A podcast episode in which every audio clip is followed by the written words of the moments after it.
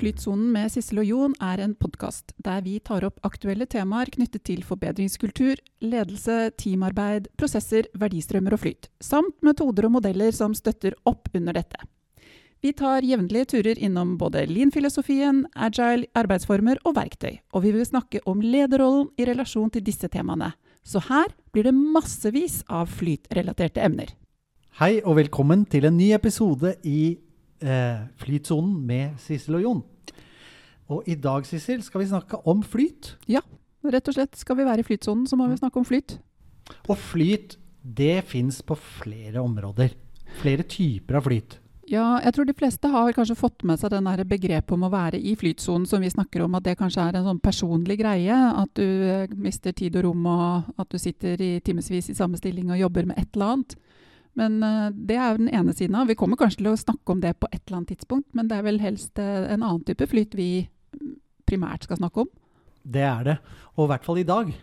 Um, og det handler om hvordan vi skaper flyt i bedrifter og organisasjoner. Og ja. hvordan verdiene kan flyte på best mulig måte og bli til noe som kundene etterspør med minst mulig motstand, egentlig. Ja, Men hva er det som flyter, da? Du kan si at det her flyter over, eller hva?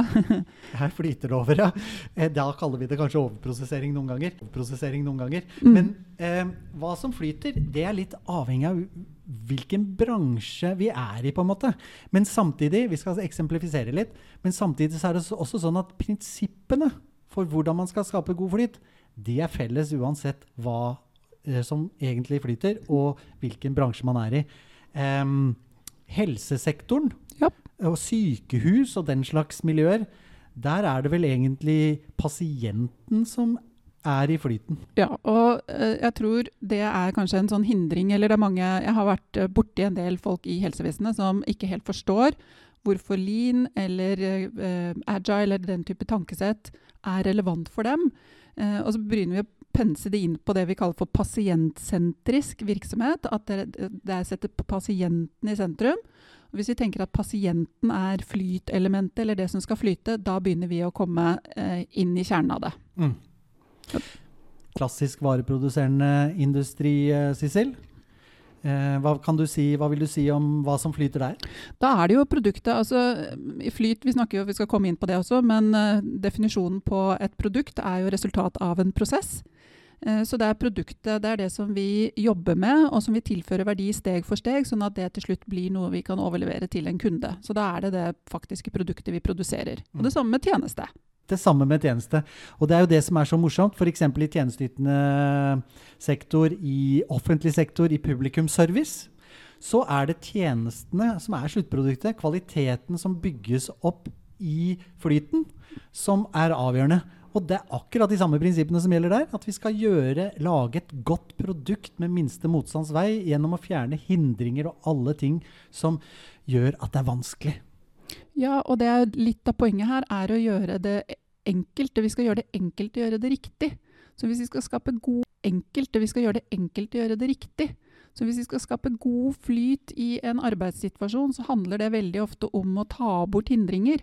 Fjerne eh, problemer eller sløsing eller ting som gjør at vi gjør ting vanskelig. Da. Ja. Og vi kommer til å snakke ganske mye om flyt naturligvis i denne podkasten her. Og litt lenger fram så tror jeg vi også kommer til å snakke om hvilke typer av elementer man skal se etter når vi jobber med å forbedre verdistrømmene våre, eh, som vi kommer til om et bitte lite øyeblikk. Men jeg har bare lyst til å, at vi knytter dette litt også til hva er det Lean egentlig sier om eh, Du var vel litt inne på det.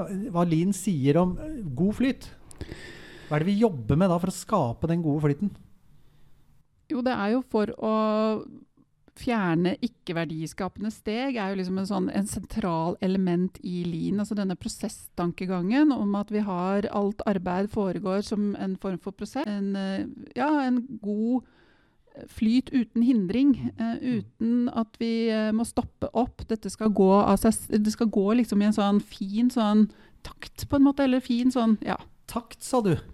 Takt, sa jeg. Ja. I i vareproduserende industri så er det ganske selvsagt at vi må liksom ha en rytme på det. Men det gjelder også i de andre bransjene, gjør det ikke det? Jo, det handler om uh, hva slags kapasitet du har f.eks. i butikken din. Uh, hva, hvor mange mennesker kan du håndtere samtidig i et kundesenter? Hvor mange telefoner kan du ta til enhver tid? Uh, hvor mye ventetid? Venting er jo en sånn klassisk sløsesak ikke sant? som vi prøver å få has på. Og jo mer du har ventende, jo dårligere flyt har du i systemet ditt. Ja. Og mellom prosessene ikke sant, en typisk verdistrøm, eller når du, når du, lager noe til en kunde, enten en tjeneste, softwareprodukt eller en, en tjeneste, softwareprodukt eller en, en, klassisk industriell vare, så har du prosesser, og så er det en handshake mellom disse prosessene. Og der er både din tror jeg, og min erfaring at den største sånn enkeltfaktoren for å skape flyt, det er faktisk den ene sløsingen vi kaller for uh, waste av tid. Altså vi, vi ting venter. Mm. Uh, og det er veldig sånn typisk Og det, det, er sånn til og med en eller annen vanlig kontorvirksomhet. Du sitter der og jobber, og så sender du ut en e-post, og så må du vente på svar.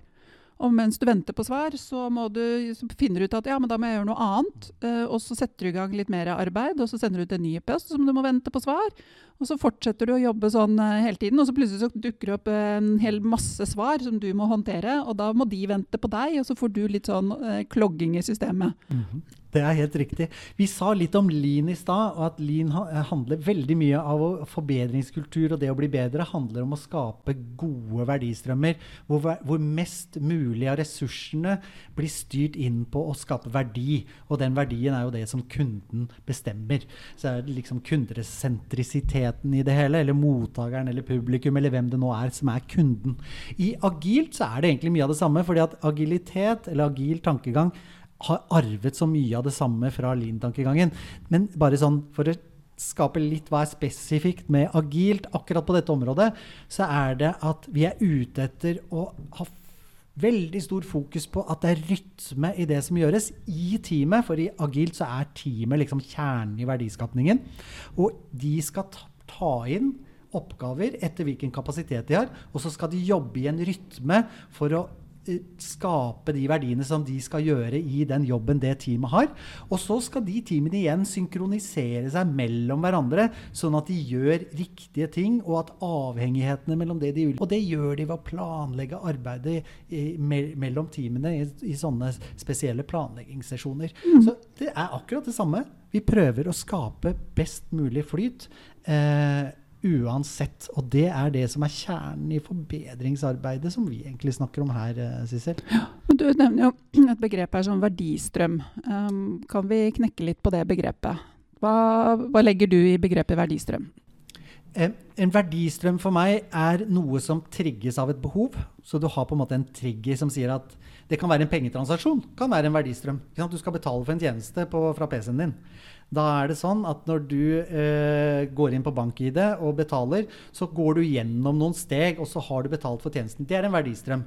En verdistrøm kan også være at du at det som skal leveres til den som har behov for det, bygges opp gjennom prosesser. Og hver av de prosessene har noen sånne verdiskapende steg i seg. Har noen sånne verdiskapende steg i seg. Og hver av de prosessene henger sammen, og så snakker de sammen og er enige om hva de eh, kan levere til hverandre, sånn at det blir bra.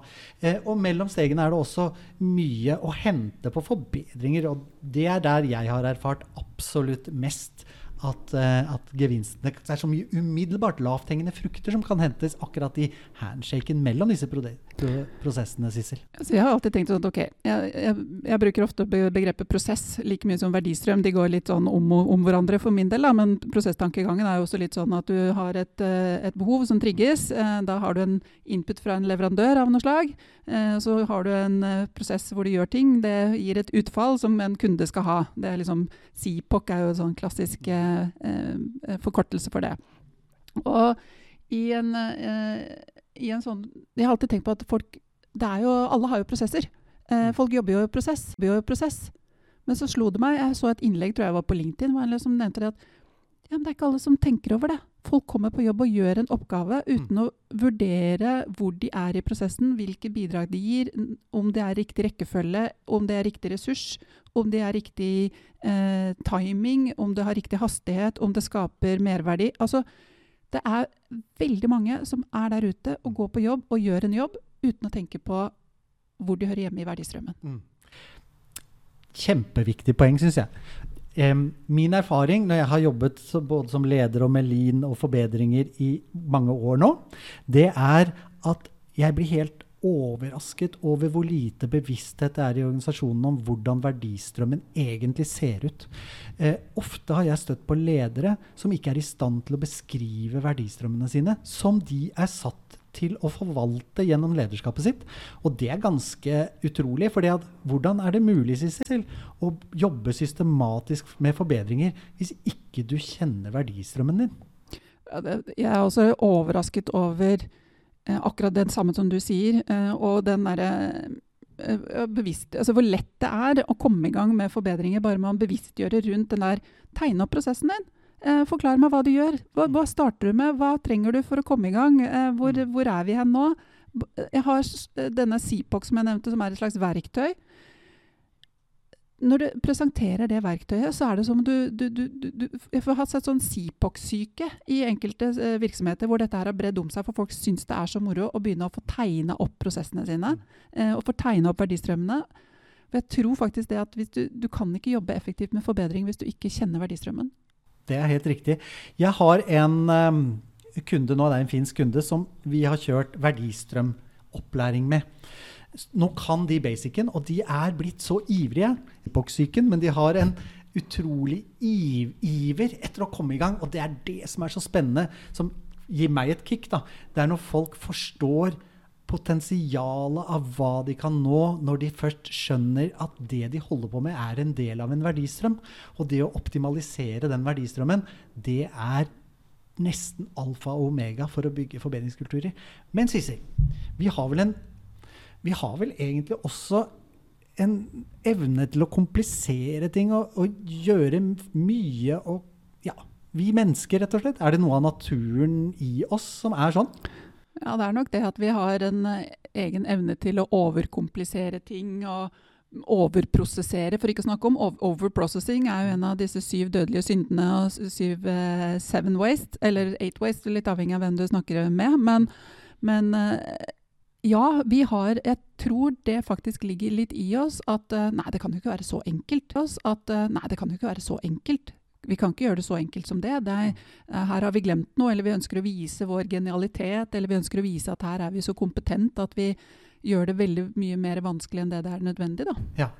Og når man eh, ofte, når vi kommer til organisasjoner som ikke kanskje er veldig opptatt av å ha verdistrømmene sine i fokus, så har man sånne suboptimaliseringer av organisasjonen sin. De har organisert sin egen virksomhet på en sånn måte at du bryter opp verdistrømmene.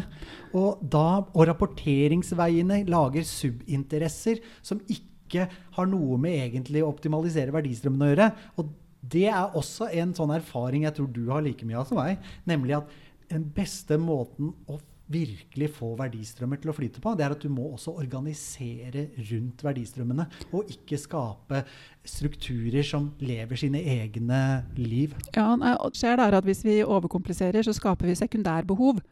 Eh, som gjør at vi, har, vi, vi, lager nye roller eller vi lager nye arbeidsoppgaver som i utgangspunktet ikke er behov for, men fordi at vi har rota til prosessen vår, så skapes det sånne typer behov som da krever eh, tid, eh, penger, ressurser, ansatte, eh, og som fjerner oss vekk fra det primære produktet vi skal skape for kundene våre.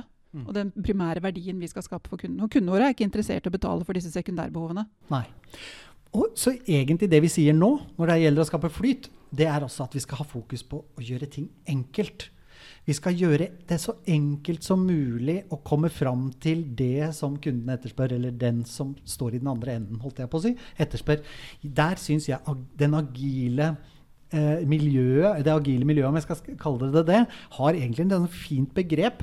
De sier nemlig at 'simplicity is the art of maximizing work not done'. Work not done. Og det er ikke så dumt tenkt, for du skal være Når du jobber i en organisasjon med verdistrømmer, så må du se på alt det arbeidet som ikke resulterer i noe som er etterspurt. Så du skal, du skal prøve å minimere rundt det som faktisk det handler om. Og da må du velge bort like mye som du velger inn. helt på tampen nå, for nå skal vi begynne å runde av, Jon. Uh, helt på tampen nå så skal jeg gi en anbefaling til en bok. Og nå husker jeg selvfølgelig ikke hva forfatteren heter, men det, det kan vi alltids eh, skrive i chatten eller noe. Men boken heter 'Laws of Simplicity'. Og Den er bitte liten, og den har, inneholder ti lover om hvordan man kan forenkle. Og den fikk jeg når jeg tok min lean-opplæring. Så lean og agile igjen møtes i kunsten i å kunne forenkle. Så 'Laws of Simplicity' er eh, dagens bokanbefaling. bra. Ja, Bare et par stikkord helt til slutt, så, så jeg. Mm. Eh, enten man jobber i offentlig sektor, i klassisk industri eller i en digital verdikjede, kjede, eh, så er det veldig mange av de samme prinsippene som gjelder. Vi må lære oss å se, observere og skjønne at det vi holder på med, er en del av en verdistrøm. Vi må organisere for å optimalisere den verdistrømmen. Eh, vi må ikke tenke for komplisert. Vi må passe på det og gjøre ting enkelt. Passe på at systemet ikke tar rotta på verdiskapningen, rett og slett. Og det er vel egentlig kanskje en liten oppsummering av dagens lille generelle tema om flyt. Vår podkast I flytsonen med Sissel og Jon er sponset av Storås Quality Consulting og Force Agile.